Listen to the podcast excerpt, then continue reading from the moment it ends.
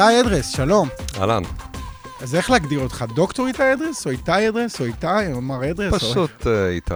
פשוט איתי. או דוד. מה דוד. קורה דוד? אז מה קורה, דוד? אה, סך הכל אה, נהדר, סך הכל נפלא, חיים אה, ברובם בסדר. ועם זה אנחנו, עם זה אנחנו עובדים, אם זה עובדים. כן. טוב, אז בוא רגע, תציג את עצמך, תספר אה, מי אתה, מה אתה. אז אה, ככה, אז אני פסיכולוג קליני, דוקטור לפסיכולוגיה קלינית. אה, גם אה, אבא לשלושה בנים.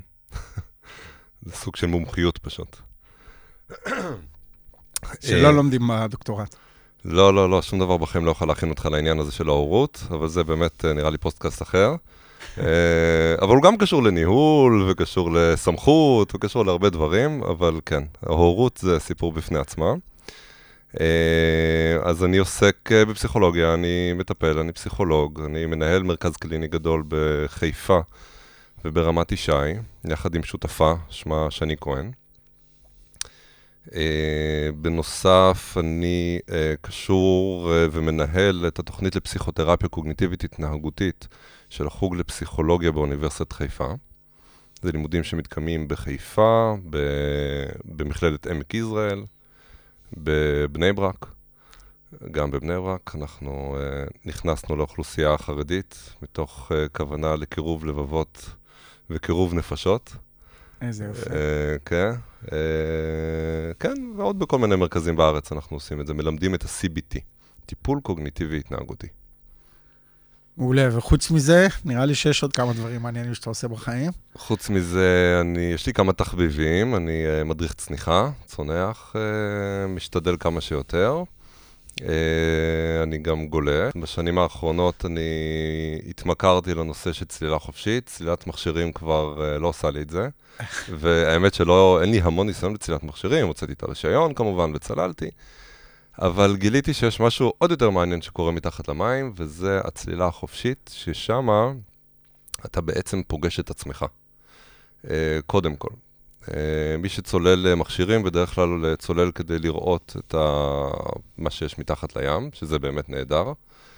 ומי שעושה צלילה חופשית, הוא בעצם בא לפגוש את עצמו, אני חושב, קודם כל, וגם בסביבה מאוד מאוד יפה. מה, מה זה אומר? זה אומר שאנחנו לוקחים נשימה עמוקה, עוצרים את הנשימה ומתחילים לצלול למטה. אה, כמה למטה? כל אחד לפי היכולות שלו, אה, כל אחד לפי הזמן שהוא יכול להחזיק את עצמו. המטרה היא לא לסבול, המטרה היא ליהנות, ובאמת להגיע לחוויה מדיטטיבית, אה, משהו שונה לחלוטין ממה שאפשר בכלל לדמיין אותו כאן על הרצפה. אתה בן אדם מגניב, אתה עושה מלא דברים, אתה צונח, אתה גולש, אתה צולל, ואתה גם דוקטור לפסיכולוגיה. אם אני רגע עושה זום אאוט מכל מה שסיפרת עד עכשיו, יש לך, אתה מבין איזה דבר או שניים בנוגע להתמודדות של אנשים עם מצבים שהם מחוץ לאזורי הנוחות שלהם. התמודדות של אנשים עם מצבים חדשים, מצבים שונים, וזאת גם הסיבה שחשבתי שיהיה מעניין אה, להקליט איתך רעיון. אה, בשנה, שנה וחצי האחרונות, אני עובד עם הרבה ארגונים, חלקם סטארט-אפים, חלקם ארגונים קצת יותר אה, מסורתיים וגדולים. אה, ומה שמשותף להרבה מאוד מהארגונים שאנחנו עובדים איתם, זה התמודדות של הארגון עם שינוי. יכול להיות סטארט-אפ שפתאום גדל ויצא לשוק הגלובלי כי איזו חברה חיצונית קנתה אותו, יכול להיות איזשהו ארגון שהחליט על שינוי במבנה הארגוני, כי מחלקת המכירות שלהם ומחלקת המוצר שלהם צריכים לעבוד יחד, ו, אה, ועוד אלף ואחד שינויים ש, שקיימים היום אה, בשוק. מה שמשותף לכל הארגונים האלה, שבדרך כלל מי שמוביל את השינויים, אלה אנשים שצמחו בתוך הארגון והם אנשי מקצוע חדים מאוד, חריפים מאוד בתחומם, אה, אבל הם מנהלים, הם אנשי מקצוע והם מנהלים. זאת אומרת, במהלך החיים שלהם הם התמקצעו במה שהם עושים. אה, אם זה בהייטק, אז במחשבים, הנדסה וכו', ואם זה בתעשיות אחרות, אז במקצוע שלהם. לרוב, הם לא תמיד מודעים לאספקטים הרכים של מה קורה בני- ב- בשינויים האלה, מה קורה במהלך השינוי. אה, כשאני אומר אספקטים רכים, אני מתכוון למה קורה לעובדים שלהם, או אה, מהי הפסיכולוגיה מאחורי השינוי והיכולת שלי בתור אדם להסתגל לשינוי.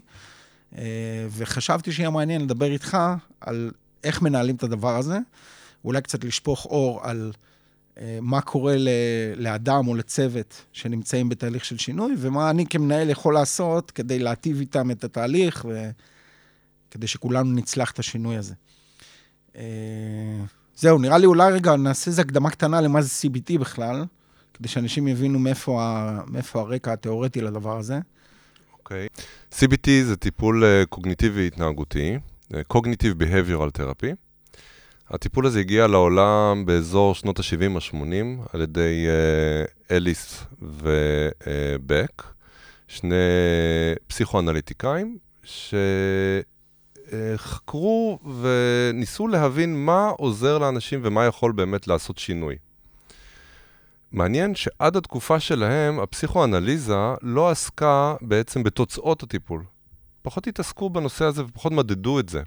הם הביאו שפה רפואית וניסו ממש לבדוק אם ההתערבויות שלהם יעילות. וברגע שהם התחילו לשאול שאלות על יעילות הטיפול הפסיכולוגי, אה, התחילו לקרות דברים מדהימים בתוך עולם הפסיכולוגיה, כי התחילו לעשות המון מחקרים, המון גישות טיפוליות צצו, אה, וכולם בעצם מנסים להבין מה עוזר לאנשים לעשות שינוי וכמה שיותר מהר.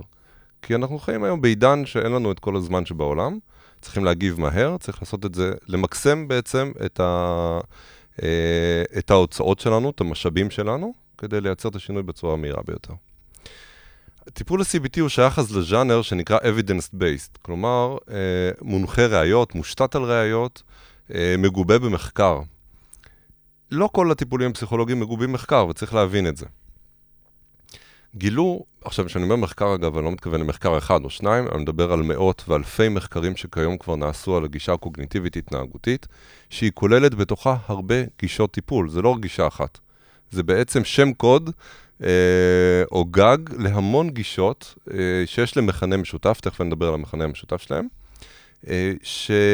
אה, הגישות האלה מצליחות להראות תוצאות מדהימות במחקרים, והמחקרים, אני מדבר איתכם על מטה-אנליזה, כלומר, לא על מחקר בודד שלקחו 20-30 חבר'ה, עשו להם איזשהו טיפול ובדקו תוצאות, אלא לקחו המון מחקרים, ועשו עליהם כל מיני עיבודים וניתוחים סטטיסטיים, ויש לנו בעצם pool בתוך המטה-אנליזה, pool של מאות ולפעמים אלפי נבדקים. המשמעות מבחינה סטטיסטית שהתוצאות הרבה יותר חזקות ומנבאות בצורה יותר משמעותית. Okay. אוקיי. אז היום מנסים, כי מבינים שכבר אי אפשר למכור uh, uh, כל מה שרוצים, ויש תיאוריות מאוד יפות וסיפורים מאוד יפים, אבל צריך לעבור איזושהי קפיצה ולבדוק אותה מחקרית. Uh, לא שאני כזה חסיד גדול של מחקר, ואני יודע, מי שעוסק במחקר יודע היום שגם מחקר נטוי, uh, נתון, סליחה, לפרשנות, אבל זה בעצם הכלי היחידי שעומד לזכותנו ו, אה, ומאפשר לנו אה, לבדוק את עצמנו. ומה רע בלבדוק את עצמנו? ולתקף. לתקף, לבדוק, לדייק. אה, אם משהו לא עובד, אז לדעת שהוא לא עובד. לא להמשיך, אתה יודע, להכות בראש ככה עם הראש בקיר. כן. צריך לדעת מתי די, ולנסות כיוונים אחרים. ובעצם השיטה הזאת הופכת אותנו להרבה יותר יעילים. כי אני מהר יחסית יכול לדעת אם אני עוזר או לא עוזר למישהו. אה, ואז אפשר לחפש מה כן עוזר במידה ואנחנו לא מצליחים. אז מה משותף לכל גישות ה-CBT? מה שמשותף לכל גישות ה-CBT בעצם אה, זה מעבר לנושא שזה מגובה במחקר, אה, גם שיש מטרה מאוד ברורה. אנחנו מגדירים עם המטופל, עם הקבוצה, עם, ה... עם הצוות שעובדים איתו. כלומר, זה, זה לא מוגבל אגב, הטיפול יכול להיות טיפול אישי, פרטני, אחד על אחד, יכול להיות קבוצתי, יכול להיות תהליכים סדנאיים שעושים עם אה, קבוצות אה, בתוך מקומות עבודה. יש באמת המון המון פורמטים שאפשר לעבוד עם זה. אה, אז אנחנו רוצים מטרה מאוד ברורה. אנחנו צריכים לדעת מה אנחנו עושים פה בעצם ביחד. מה המטרה שלנו. איך אנחנו מודדים את המטרה הזאת? איך אנחנו נדע שהגענו אה, והצלחנו אה, להגיע למטרה? אז אנחנו בעצם עושים baseline ו target line. כלומר, מה המצב כיום ולאן אנחנו רוצים להגיע. ככה קל לנו מאוד לדעת אם אנחנו יעילים, אם זה מתקדם לאנשהו, זה עובד, זה לא עובד, הצליח, לא הצליח. לא נתון לפרשנות, זה עובדה. וזה בעצם היופי של הגישות האלה בכלל. עוד דבר מאוד יפה של הגישה, הגישה הפסיכולוגית הזאת, זה שהיא מכוונת למציאת אה, פתרון לבעיות. לא מתביישים להגיד שאנחנו מנסים לעזור לאנשים לפתור בעיות. אז הגישה הזאת מחפשת יחד כמובן עם המטופל, ניסיון לעזור ולמצוא אה, פתרונות לבעיות שלו.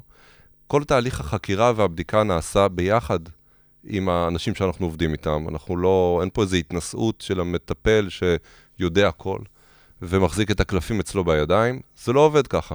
אנחנו מנסים לתת את כל המידע האפשרי אה, שאנחנו מחזיקים בידיים, לתת אותו אה, ללקוחות שאנחנו עובדים איתם. מתוך הידיעה וההבנה שהבן אדם הוא המומחה הכי גדול לעצמו. אני בתור אה, אה, פסיכולוג אה, חיצוני, כמה אני כבר מכיר את הבן אדם? כלומר, הבן אדם בדרך כלל מכיר את עצמו יותר מאשר אה, כל אה, אה, חבריו או אנשים מסביבו, ובוודאי הפסיכולוג שהוא מגיע אליו אחת ל, או איזו תקופה קצרה. אז רגע, אם אני יכול רגע שנייה לפני שאנחנו ממשיכים בכיוון הזה,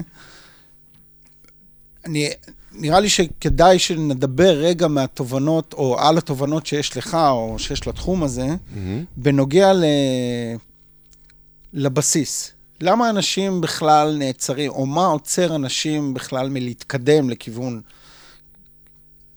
הגשמת המטרות, או השינוי שאליו הם רוצים להגיע? אם אתה יכול רגע לתת כמה נקודות על זה. וזה, אני מניח, קשור גם למטופלים וגם לא למטופלים. זאת אומרת, גם, גם אם אני מנהל צוות עכשיו בחברת סטארט-אפ, אני שנייה מנסה להבין מה עוצר את הצוות שלי, מה עוצר את חברי הצוות שלי, את הקולגות שלי, מלהתקדם למטרות שאנחנו מציבים, או, או להתמודד עם השינוי. כן. אה, אז באמת, אה, אנחנו כבני אדם, אה, כנראה בכל מקום, יש לנו כמה, כמה דברים שהם קצת מגבילים אותנו בנושאים של שינוי. משהו במערכת הפעלה שלנו לא כל כך חובבת שינוי. ואיך זה בא לידי ביטוי? אנחנו אוהבים לשמור על הקיים. וזה מנגנון פסיכולוגי שרוצה בעצם לשמר את המוכר. ברגע שאנחנו יוצאים מה, מהמקום המוכר שלנו, המקום הבטוח שלנו, שאני כבר יודע איך לעבוד, אני כבר מכיר את העבודה, מכיר את האנשים, הכל ידוע ומוכר, אני מכיר את עצמי בתוך התפקיד, אני לא רוצה לשנות. לא רוצה לעשות אה, אה, אה, שום שינוי שהוא שיסכן את המקום הזה. למה? כי השינוי הזה, אה, א', אה, עדיף מוכר וגרוע מאשר לא מוכר. ככה אנחנו עובדים, מה לעשות?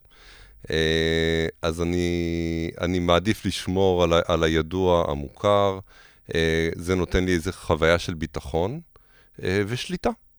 אנחנו חובבי שליטה. אז שליטה זה ידע, אז אני יודע מה קורה. אז למרות שהחיים שלי דפוקים, ולמרות שהצוות שלי לא מתפקד, לפחות אני מבין את זה, או יודע את זה, והתפקידים מוכרים לי, אז אני מעדיף להישאר בזה.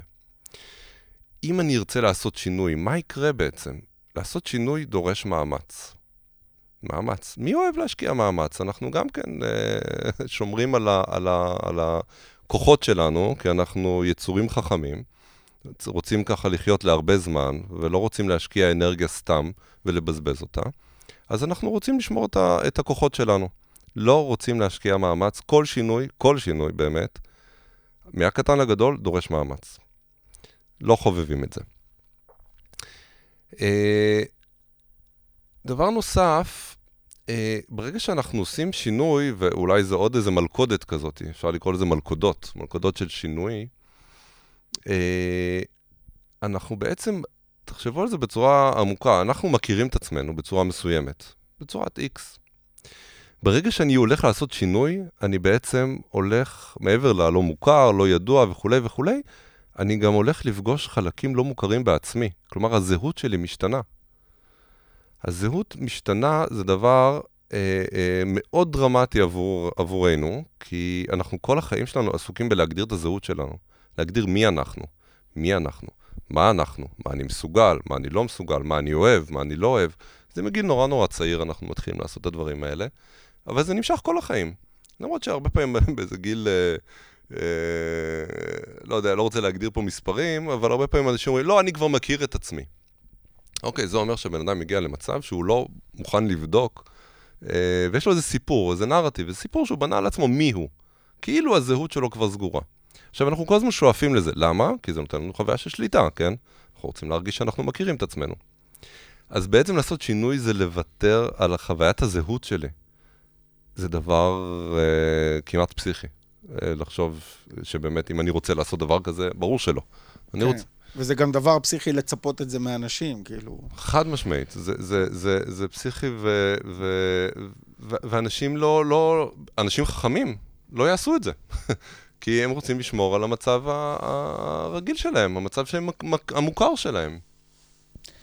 אוקיי. רגע, אז... רגע, לא סיימתי. יש פה... אה, סליחה, יש, כן, כן, כן. יש, יש עוד דברים ש... יש, כן, יש מלא מלכודות. הבנתי, אוקיי. אה, תחשבו על זה שיש פה עוד מלכודת, וזה הקבוצה שבה אנחנו עובדים.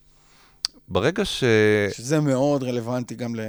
בטח. זה, זה, זה רלוונטי של צוותי עבודה ומקומות עבודה, ארגונים. האמת, כל מה שאני מדבר עליו רלוונטי מאוד לצוותי עבודה וארגונים, כי זה קשור לחיים. זה לא, אני לא מדבר על עכשיו טיפול פסיכולוגי, אני מדבר על החיים. כן. ובחיים יש לנו תפקיד בתוך קבוצה. כל אחד מאיתנו אה, נכנס לאיזשהו תפקיד. אה, אולי הכי קל לנו להסתכל על זה, כי פחות אולי על, עצ... על עצמנו. בואו תחשבו, תיזכרו אה, בילדות שלכם בבית ספר, בכיתה.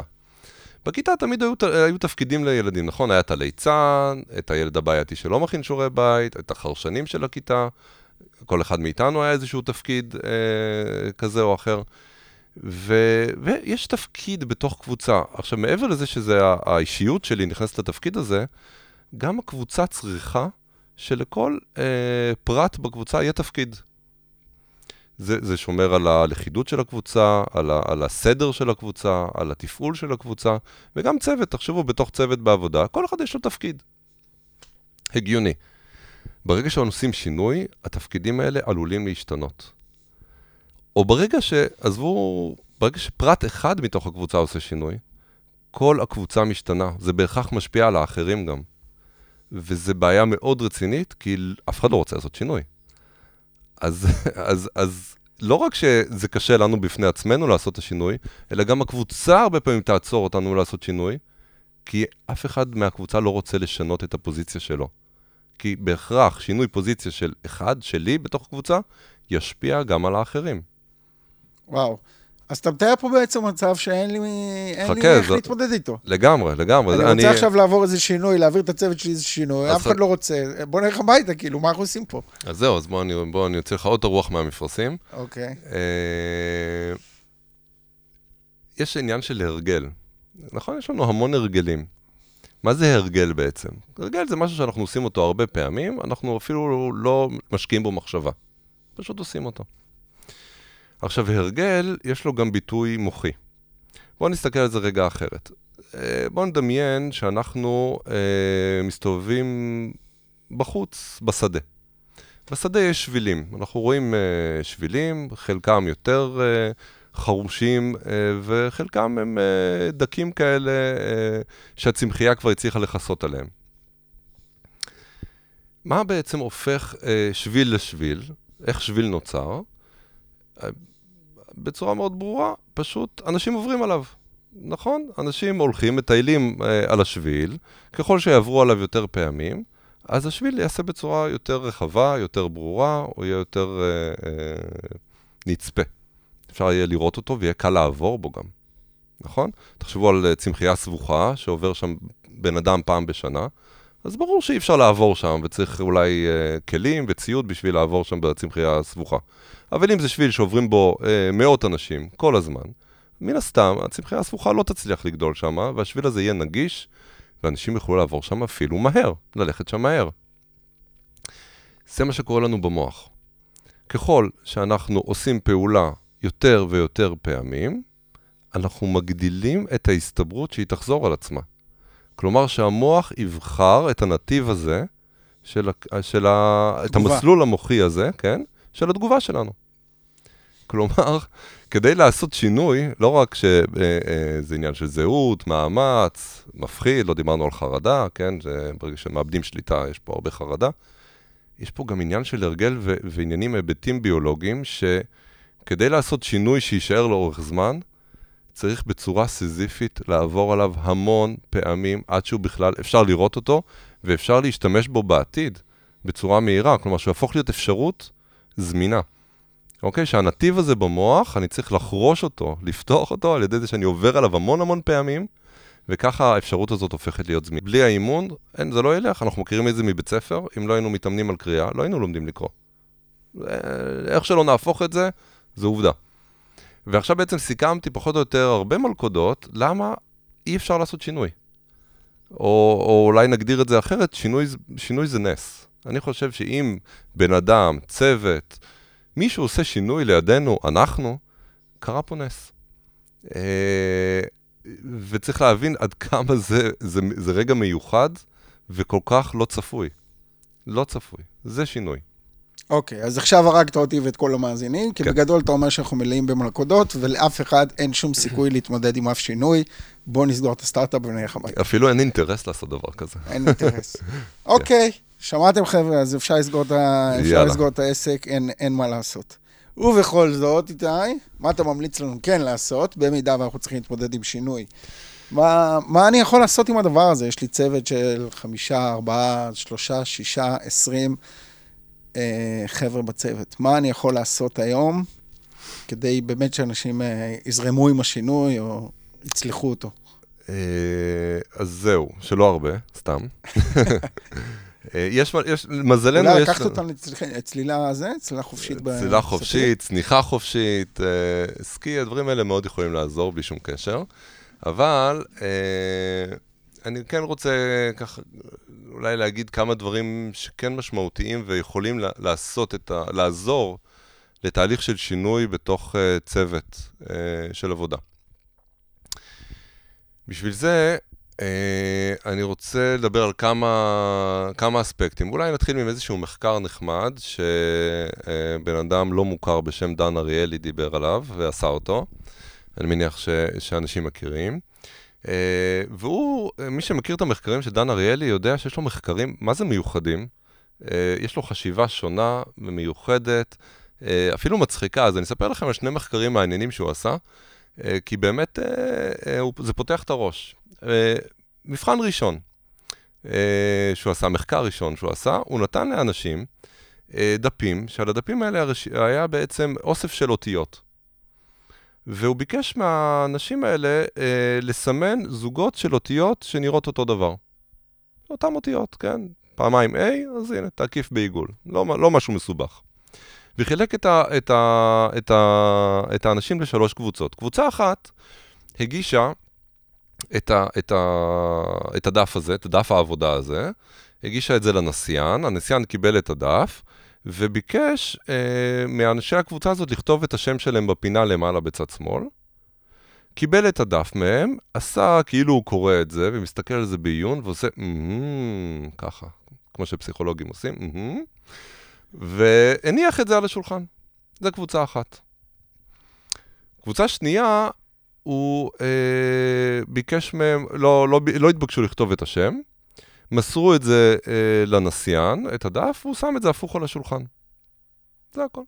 קבוצה שלישית, אה, מסרו את הדף לנסיין, והנסיין אה, גרס את הדף מול העיניים של, ה, אה, של הבחור שעשה את, ה, את הדף הזה. בלי להסתכל בכלל בדף. בלי להסתכל. אוקיי. פשוט גרס את זה. ומה שהוא עשה, הוא אמר ככה, תראה, אני נותן להם אופציה. כל אחד מהם, אמרתי להם, אתה מקבל על כל דף עבודה כזה 55 סנט. אתה מגיש לי דף אחד, אני אומר, אתה רוצה עוד דף? תקבל עליו 50 סנט, כלומר 5 סנט פחות. וככה בן אדם עשה, וכל פעם הציע לו 5 סנט פחות. אמר, בוא נראה באיזה קבוצה אה, אנשים ממשיכים לעשות אה, ומוכנים לעבוד אה, עבור אה, אה, תשלום נמוך יותר. אוקיי? מחקר גאוני. ומה הוא גילה? הוא גילה כזה דבר. שבקבוצה שה, שבה, הוא קרא לזה קבוצת ההכרה, כלומר שבה הנסיין אה, גם ראה את השם, גם עשה mm-hmm, ועשה כאילו הוא קורא, שמה הם אה, מן הסתם המשיכו לעבוד גם אה, עבור סכומי כסף קטנים, והגיעו עד 15 סנט בממוצע. בקבוצה הזאת של הגריסה, כן, שהוא גרס את זה מול העיניים שלהם, אז החבר'ה הפסיקו לעבוד אחרי 29 סנט בממוצע. כלומר, הרבה, הרבה קודם כבר הפסיקו לעשות את העבודה. והשאלה, מה קרה לקבוצה שבה הבן אדם, הנסיין, אה, פשוט הניח את, את זה לשולחן. כלומר, לא הוקרה, לא עשה, mm, לא נתן איזה הכרה מיוחדת, גם לא גרס את זה, לא עשה גם אקט כזה תוקפני. הקבוצה הזאת, לאן היא הייתה יותר קרובה? ומסתבר, הקבוצה הזאת הייתה קרובה הרבה יותר לקבוצת הגריסה, מאשר לקבוצה שבה אה, הנסיין עשה ו- וככה הראה לבן אדם שהוא מסתכל על זה. מה זה קרובה? זה 27.5 סנט. כלומר, 1.5 סנט פחות, אוקיי? אה, אה, זה הכל. אה, מקבוצת הגריסה. זה, זה מדהים. עכשיו, זה נתון מדהים, בעצם מה הוא אומר לנו כמנהלים. זה, זה, זה אומר משהו מאוד משמעותי, זה אומר שבעצם, אם אתם רוצים לחסל מוטיבציה של עובד שלכם, תתעלמו ממנו. אתם גומרים אותו במקום. עכשיו, אתם לא צריכים ממש אה, להתעלם ממנו ברמה של לגרוס את העבודה שלו, פשוט תתעלמו, פשוט אה, אל תיתנו יחס מיוחד, זה הכל. ואתם גומרים את הבן אדם. מורידים לו את המוטיבציה והוא יעבוד הרבה פחות. ו, ומה, איך מוטיבציה קשורה לשינוי? אמרנו, שינוי דורש מאמץ. אוקיי? אנחנו חייבים שבן אדם שרוצה לעשות שינוי, הוא חייב שתהיה לו רצון להשקיע מאמץ. זה המוטיבציה. וכמה קל לייצר מוטיבציה. ברגע שמנהל אה, מסתובב ליד העובדים שלו ומתעניין בהם, ברגע הזה שהוא עושה את זה, העובד מרגיש שהמנהל שלו אה, רואה אותו. והחוויה הזאת, הרגשית הזאת, הפסיכולוגית הזאת, מאוד משמעותית לפרודוקטיביות שלו ולמוטיבציה שלו בעצם להשקיע בעבודה. מדהים, זה מחקר מדהים. אם אנחנו נותנים לזה רגע עוד כמה ביטויים, זה באופן כללי לחפש מקומות שבהם העובד מקבל ממני הכרה. כן. שאני מכיר בעובד, מכיר באיכויות שלו, מכיר בהישגים שלו. זה יכול להיות אה, גם להסתובב בשגרת היום-יום, וזה יכול להיות גם משהו יזום יותר, כאילו בפגישת צוות, לתת לעובד להציג את ההישגים שלו, או לדבר על ההישגים שלו. כן. בעצם לייצר מצבים שבהם העובד מקבל הכרה חיובית על, ה... על מי הוא ומה הוא, וההישגים שלו והאישיות שלו וכו' וכו'. נכון, ממש ככה, וככל שיהיו יותר אה, רגעים כאלה, זה, זה יותר טוב. כלומר, לעסק, לעובד ולמנהל כמובן, לכולם. ולשינוי. ו- ולשינוי, כן. אנחנו עושים את הדברים האלה כדי להגביר את המוטיבציה והרצון של העובד לתרום לחברה.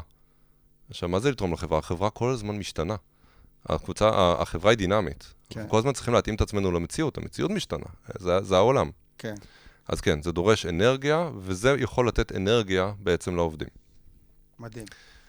אני אתן עוד איזה דוגמה למחקר אה, נחמד אה, ומעניין של דן אריאלי, כי יש לו חשיבה מיוחדת, ובמחקר הזה הוא עשה משהו דומה, האמת שמאוד מאוד דומה.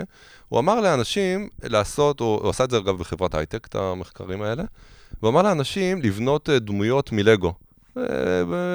דמויות של בני אדם מלגו, נתן להם את הלגו ואמר להם לבנות. ואותו דבר, על כל דמות שבנית קיבלת כסף, בדיוק אותו סיפור, אותו, אותו קטע.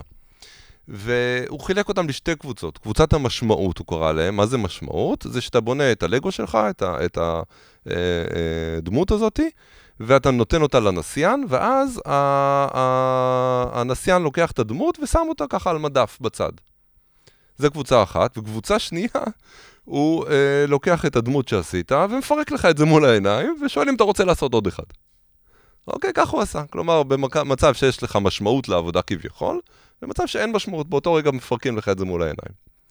וגם שם הוא גילה בדיוק את אותו דבר, שאנשים אה, מוכנים, כן, להמשיך ולעבוד, עשה בדיוק את אותו אלמנט, כמו שסיפרתי קודם עם, ה, עם הדף והמילים. אנשים מוכנים להמשיך ולעבוד תמורת פחות כסף, ברגע שיש חוויה של משמעות. כלומר, שהם חושבים שהדמות הזאת נשארת. למרות ששתי הקבוצות ידעו שהולכים לפרק את זה אחר כך. כלומר, את, זה, את הנתון הזה הוא נתן להם. פשוט לאחד זה היה מול העיניים, ולקבוצה אחת זה, זה קרה אחר כך. גם כן, מדהים, וזה המשמעות. ופה זה מביא אותי לעוד נושא, מה הצרכים בעצם של העובדים שלנו בתוך ה, בתוך ה, ה, בעבודה. ו, ויש על זה מחקר, ו, ו, ובאמת אה, אה, זה תחום שהיום מדובר הרבה, ואני רוצה לדבר על שלושה צרכים משמעותיים. אחד, זה הצורך באוטונומיה. הצורך באוטונומיה זה בעצם חוויית השליטה של המטופל, של המטופל, אני אומר, של, ה, של העובד על החיים שלו. אנחנו כולנו רוצים להרגיש אוטונומיים על החיים, אנחנו לא אוהבים שאומרים לנו מה לעשות, נכון? תחשבו על זה, כל מי שיגיד לכם מה לעשות, אתם תרצו לעשות את ההפך. ככה אנחנו עובדים. זה המוח שלנו, זה הבאג במוח שלנו, אפשר להגיד. כלומר, המטרה של מנהל, לייצר חוויה של אוטונומיה לעובד שלו. שהעובד ירגיש שהוא בוחר במה לעבוד, שיש לו אה, יכולת להשפיע, איך הוא מנצל את הזמן שלו ומה שהוא עושה. וזה דבר מדהים. אגב, זה, כבר יש גם כן מחקרים על זה, ורואים גם בגוגל ועוד חברות גדולות, איך אה, נותנים לעובדים 20% מהזמן לעשות דברים שהם בוחרים. נותנים להם את האוטונומיה לבחור את הפרויקטים שלהם, גם שהם לאו דווקא פרויקטים ישירים של החברה. אחר כך זה הופך להיות פרויקטים של החברה, כן? אבל כיצירה, לא, העובד מרגיש שזה שלו. והאוטונומיה הזאת זה לדעתי אה, אה, מרכיב סופר משמעותי, שמנהל כל הזמן צריך להחזיק את זה בראש, אה, ו- ולחשוב איך הוא עוזר לחוויית האוטונומיה של, ה- של העובד שלו. תחשבו על עצמכם, כולנו רוצים אוטונומיה. דבר שני, זה מיומנות. זה הצורך בעצם להרגיש שאני עושה, אה, אה, עושה את מה שאני עושה בצורה טובה. ברגע שאני עובד ואני מרגיש שאני לא עובד טוב, זה, זה מוריד לי את המוטיבציה להמשיך לעשות את העבודה שלי. כלומר, אתה כמנהל צריך לדאוג שהעובד שלך יהיה במקום שבו הוא יכול להצליח, ולהיות עם חוויה של הצלחה. זה התפקיד שלך. והדבר השלישי, הצורך השלישי, זה המשמעות. אנחנו לא עובדים רק בשביל כסף. או בוא נגיד זה ככה, אה, לרוב אנשים לא עובדים בשביל כסף. כלומר, כסף זה גורם חשוב, משמעותי. זה לא הסיבה למה אנשים נשארים במקום העבודה שלהם. לרוב. כלומר, יש סיבות אחרות. והסיבות האחרות כוללות כנראה את נושא המשמעות. כלומר, מקום שבו אני מרגיש שמדבר את הדברים שחשובים לי בחיים. אני מרגיש שאני עושה משהו שהוא משמעותי, שהוא תורם, שאני חלק מארגון אה, שאני יכול להזדהות עם המטרות שלו. זה מייצר חוויה בעצם של משמעות, וגורם לעובד אה, להיות הרבה יותר מסור לעבודה שלו, ועם מוטיבציה הרבה יותר גדולה בעצם לארגון. ואם ארגון עובר שינוי, מן הסתם עובד בצורה הזאת יהיה הרבה יותר מגויס. אם הוא יבין את הרציונל ואת המשמעות של כל הנושא הזה. ב-CBT זה טיפול מאוד ממוקד ו- וענייני. אה, תכלס, אוקיי? באים לעשות תכלס אה, עבודה בשביל לעשות שינוי. השינוי הזה בא לידי ביטוי uh, בצורת החשיבה שלנו, הפרשנות שלנו, בא לידי ביטוי בגוף שלנו, מה קורה לי בגוף, פיזיולוגית, רגשית, איך אני מרגיש, והמימד הנוסף זה ההתנהגות, איך אני מתנהג, מה אני עושה, תכלס, אני צריך לעשות דברים כדי שהם יקרו. אז אני ממליץ לכל המנהלים שמקשיבים לנו כרגע, אה, לקחת לעצמם משימה קטנה לשבוע הקרוב, אי אפשר לעשות הכל.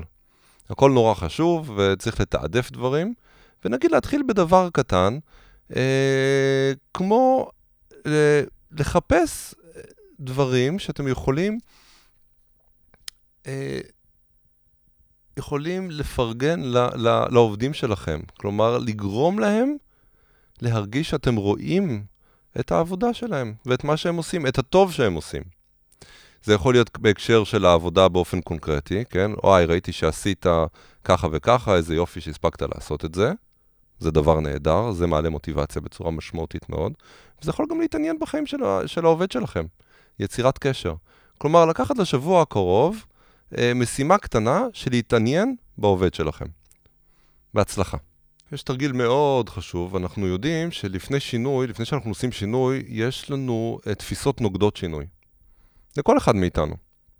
מה זה תפיסות, תפיסות נוגדות שינוי? זה בעצם כל מיני מחשבות שיש לנו למה השינוי הזה הוא גרוע. למה לא כדאי לעשות אותו וכדאי לשמור על המצב הקיים. לכולנו יש המון המון הסברים רציונליים כאלה ללמה כדאי לשמר את המצב הקיים. אתם כמנהלים צריכים, אם אתם רוצים לעשות שינוי בצוות שלכם, אתם צריכים לעזור לצוות שלכם להביע, לבטא את כל התפיסות נוגדות השינוי שלהם. פשוט להוציא את זה החוצה ולשמוע אותם. פשוט לשמוע, לא להתווכח. לא עכשיו ישר לתת קונטרה ולהסביר להם, לא, לא, ממש לא. כי תחשבו, אתם צריכים לעבוד על הנושא של האוטונומיה. אם אתם תתחילו לשכנע מישהו, אתם פוגעים לו באוטונומיה. אז לא משכנעים אף אחד, אבל אתם תראו, ברגע שאתם תזמינו אנשים להסביר לכם למה השינוי הזה הוא גרוע, ולמה זה רעיון רע, אנשים ידברו על זה, ואתם לא תתווכחו, תצליחו להתאפק, הגל הזה יעבור. וזה יאפשר להם אחר כך להסתכל על זה גם אחרת ולבדוק את, את המחשבות נוגדות השינוי שלהם. מדהים. אז אתה אומר שהביטוי של ההתנגדות תעזור לאנשים רגע להוציא את זה החוצה מהסיסטם? לגמרי. ולזרום עם זה. לגמרי, במיוחד אם הם לא ייתקלו בהתנגדות להתנגדות שלהם. Mm, וכאן mm. המנהל צריך לעבוד על עצמו נורא חזק, לא להיות צודק, ופשוט להיות חכם ולהקשיב, ולהתעניין, ותאמינו לי, יש לאנשים סיבות ממש טובות למה לא לעשות שינוי. תקשיבו. באמת תקשיבו, אנשים לא סתם לא רוצים לעשות שינוי. מה עוד? איזה עוד דברים היית ממליץ לעשות ב... באמת, דברים שהם פרקטיים, אתה יודע, הבנו את הבסיס, הבנו את זה שאנשים צריכים אוטונומיה, צריכים מיומנות, צריכים הכרה. מה עוד היית ממליץ לעשות כדי לחזק את העניין הזה של הגמישות, של... אה, תראה, בנושא של המיומנות, ניסיתי ככה לרמוז לזה, אנחנו... לפעמים אנחנו מציבים אנשים בתפקידים שהם לא מתאימים להם. וזו החלטה ניהולית מאוד uh, קשה, העניין הזה של קודם כל לשים בן אדם בתפקיד מסוים, וכמובן שלהוציא אותו מהתפקיד זה עוד יותר קשה.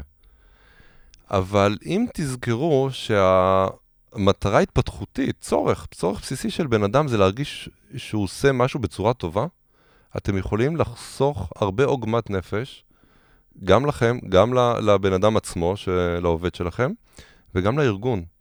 כלומר, לזהות כמה שיותר מהר אנשים שנמצאים במקום שהוא לא אופטימלי עבורם. ולחפש איתם ביחד אולי מקומות שהם יותר אה, אופטימליים. אנשים יודעים, אגב, שהם לא טובים או שלא מרוצים מהם. אנשים מרגישים את זה. זה לא, לא יחדש להם, אבל להביא את זה לשיחה ישירה וברורה, לא פוגענית, מאוד uh, דווקא בגובה העיניים, ולהתייעץ עם בן אדם, מה הוא חושב שיעשה לו טוב. זה יכול לפתוח עולמות, הדבר הזה. מדהים. אני רוצה שנייה לדבר איתך על, ה... על העניין של uh, לאן הולכים, לייצר mm-hmm. את תמונת הניצחון. כן. אם אתה יכול רגע לתת את ההיבט הפסיכולוגי מאחורי הדבר הזה. זאת אומרת, אם כרגע אנחנו עומדים בפני איזשהו פרויקט בעולם ההייטק, בעולם האייג'ל, זה נקרא ספרינט, יש לנו איזשהו ספרינט שאנחנו כולנו עכשיו נכנסים אליו, עד כמה חשוב שבתחילת הספרינט, אני כמנהל, אגדיר ביחד עם הצוות את תמונת הניצחון לפרטי פרטים. זאת אומרת שבסופו של דבר אנשים ידעו מה ייחשב כהצלחה, איך זה נראה. אם אתה יכול רגע לדבר על, ה, על החשיבות של זה. כן, אז, אה, אז כך, קודם, קודם אמרתי שבאמת אה, טיפול או התערבות מעולם ה-CBT נפתחת בלהבין מה ה-baseline ומה ה-target line. ו, וממש יורדים ל, ל, ל, ל, לפרטים אה, מאוד קונקרטיים. כלומר, זה לא אמירות כלליות, אה, אה, אלא זו אמירה מאוד ספציפית, קונקרטית, ש... ואפשר, אפשר. כל, כל, כל שינוי אפשר להגדיר ברמות כאלה מאוד קונקרטיות, כדי שזה יהיה מדיד. עכשיו, אחרי שעשינו את הדבר הזה והגדרנו והצלחנו להגדיר, וזה לוקח זמן דרך אגב, זה לא משהו שקורה בשנייה, אבל בהנחה והצלחנו לעבור את השלב הזה והצלחנו להגדיר אותו, עכשיו בעצם מתחיל איזשהו תהליך במוח שלנו, שאנחנו מתחילים אה, לעכל. בוא נגיד, לעכל אה, את, ה, את העניין הזה שפה שינוי מתחיל או עלול להתרחש. אני רוצה להזכיר לכם, בהתחלה דיברנו על זה ששינוי מעורר חרדה, כי הוא, הוא, הוא בעצם גורם לנו לאבד את, ה, את הנקודות אחיזה שלנו, את חוויית השליטה שלנו. אז החרדה שלנו עולה. ברגע שהחרדה שלנו עולה, אנחנו רוצים אה, לחזור חזרה למקום הבטוח שלנו, המקום המוכר. לכן, אה, בעולם הפסיכולוגיה מכירים היום שכדי לעשות שינוי, אפשר וכדאי אפילו להשתמש בדמיון שלנו. ואנחנו יודעים, אגב, היום זה כבר נכנס לענפי ספורט, אה, ל, גם למנתחים, לרופאים. משתמשים המון בדמיון, כבר גם יש היום גם virtual reality, אז כבר, כבר חוסכים לנו את הצורך לדמיין, שזה גם מדהים, אתה יודע, פעם לא היה את ה-virtual reality, אז אנשים היו צריכים לדמיין דברים, לא היה מסכים, לא היה זה, אבל היום אנחנו לא צריכים לדמיין, זה פשוט מדהים, יש את הסימולטורים, מה זה סימולטור? זה בעצם מצב לא אמיתי, כן, תחשבו על טייסים שמתאמנים בתוך סימולטור, אז הם, הם בעצם חווים איזושהי חוויה שהיא לא אמיתית, אבל המוח שלהם תופס את זה כאמיתי לחלוטין. ובגלל זה היכולת להתאמן במצב כזה, יש לה ערך אדיר. כי אני מאמן את המוח, המוח עובד כאילו המצב הזה קורה, כלומר אני מאמן את המסלולים במצב אמת, מסלולי המוח. יצירת מסלולים במוח. עכשיו, זה בדיוק אותו דבר. אני יכול, על ידי דמיון של לאן הנקודה שאני רוצה להגיע אליה, אני יכול בעצם להכין את המוח שלי לשינוי הזה. אני מדמיין את זה קורה, ומדמיין את זה לפרטי פרטים, וככה אני הופך את המוח, אה, אני גורם למוח שלי להתחיל להשתנות לכיוון הזה, ולהפוך את, ה, את, ה, את המטרה הזאת ליותר מוחשית. עכשיו, יותר מוחשית, ממש, כי זה קורה במוח, כי המוח מתחיל להשתנות. אז זה באמת יותר מוחשי, והמוח מתחיל להתכונן, מתחיל להיות יותר פלסטי, גמיש יותר, ויאפשר לנו לעשות את השינוי במציאות. אותו דבר גם על, על שינוי של דברים קטנים. אני יכול לדמיין את המטרה הגדולה בסוף, ואני יכול גם לדמיין מטרות קטנות בדרך. ואז זה יהפוך להיות הרבה יותר זמין למוח שלי כאפשרות פעולה. משהו שבהתחלה אני מגיב ומתנער ממנו, אומר, מה פתאום, אין סיכוי. אני אדמיין אותו פעם, פעמיים, שלוש. פתאום המוח שלי יגיד, וואלה, יש סיכוי. ואז גם תוך כדי התהליך, אנחנו חוזרים למה שתיארנו בתחילת הדרך, ורואים כמה אנחנו רחוקים משם, או כאילו כל פעם לחזור לתמונה הזאת, כן. לדמיון. ה baseline וה target line, הוא כל הזמן מלווה את כל ההתערבות, כי הוא, הוא, הוא בעצם ה guideline שלנו, הוא, הוא המפה שלנו, אחרת אנחנו סתם הולכים לאיבוד. צריך ללכת עם מפה. אז זה בעצם ה-Waze שלנו. כן. מדהים, יופי, תודה. אה, איתי, תודה רבה. בשמחה ש- רבה. שבאת, היה כיף ממש. מקווה ש... מקווה לצלול איתך בקרוב, או לצנוח או משהו. על הכיפאק. צונחים עכשיו בחורף? כן, צונחים, לא שיורד גשם, אבל בין הטיפות. מה הצניחה הכי מגניבה שצנחת? מכדור פורח. הראת לי את הסרטון הזה. בגלבוע, לא? כן, היה מטורף. היה מטורף. היה מטורף. זה לא משנה כמה אני רגיל לצנוח, ויש לי באמת אלפי צניחות. כשבאתי לצנוח מכדור פורח, שזה פעם ראשונה, משהו חדש, פחדתי נורא. ממש פחדתי, וזה בדיוק זה, זה שינוי. פתאום שיניתי את המקום הבטוח שלי, הרגיל שלי, והמוח שלי הגיב במצוקה. וזו הייתה חוויה מדהימה, כי להתגבר על פחד, זה דבר, זו חוויה מאוד מעצימה עבור אנשים. מאיזה גובה צנחתם שם? שם יחסית גבוה, זה היה 5,000 רגל, אם אני לא טועה. שכמה זה, זה כמעט שני קילומטר. למטוס? זה, מה, איזה מטוס? שטס אה, לחו"ל, או שאנחנו צונחים? לא, לא, מטוס שאתם צונחים. אה, זה חצי מהגובה, פחות או יותר. חצי מהגובה? כן. וואלה. בצניחה פותחים... חופשית, ככל שיותר גבוה, זה יותר בטוח. אז פותחים אבל את המצנח אה, ישר? באותו גובה. אה, יחסית, 3,000 רגל אתה פותח אותו. וואלה. אז אתה נופל על 2,000 רגל, זה, זה 20 שניות, 10 שניות, 15 שניות נפילה חופשית. לאן אתה הולך להתקדם עם זה? כאילו בצלילה התקדמת לצלילה חופשית, לאן מתקדמים עם צניחה? אה, אני לא בטוח, לצנוח עם הילדים, זה לשם אני מחכה, שהילדים שלי קצת יותר יגדלו ואני אוכל לצנוח איתם. אה, כן? כן, זה השאיפה שלי כרגע. Uh, כן, הווינקסוט גם עושה לי את זה, אבל אני... כאילו לקפוץ מהרים וכל מיני כאלה, אבל כרגע יש לי על זה וטו משפחתי. אגב, בוא, זה גם המקום להגיד שאתה מעביר הרצאות, אז אם אה, ארגון מסוים רוצה להזמין אותך להרצאה... מעביר הרצאות, כן, גם זה. ימי עיון, הרצאות, uh, צניחות. צניחות, צניחות, כן. צלילות. כן. Uh, כן, זה גם, זה, אנחנו בכלל הכרנו בשטח שעבדנו ביחד, נכון. אנחנו תוכנית של, תוכנית מדהימה של מפגש פעם בשבוע או פעם בשבועיים, אני כבר לא זוכר מה זה היה. אז אתם בהחלט מוזמנים, אני ואיתי נשמח להוציא אתכם להרפתקה, צלילה, טיפוס צניחה עם ימי עיון ומצגות וכל מה שבא לכם. או סתם לחבק עצים. או סתם לחבק עצים. יהיה כיף. תודה, חבר'ה, ביי ביי. ביי ביי.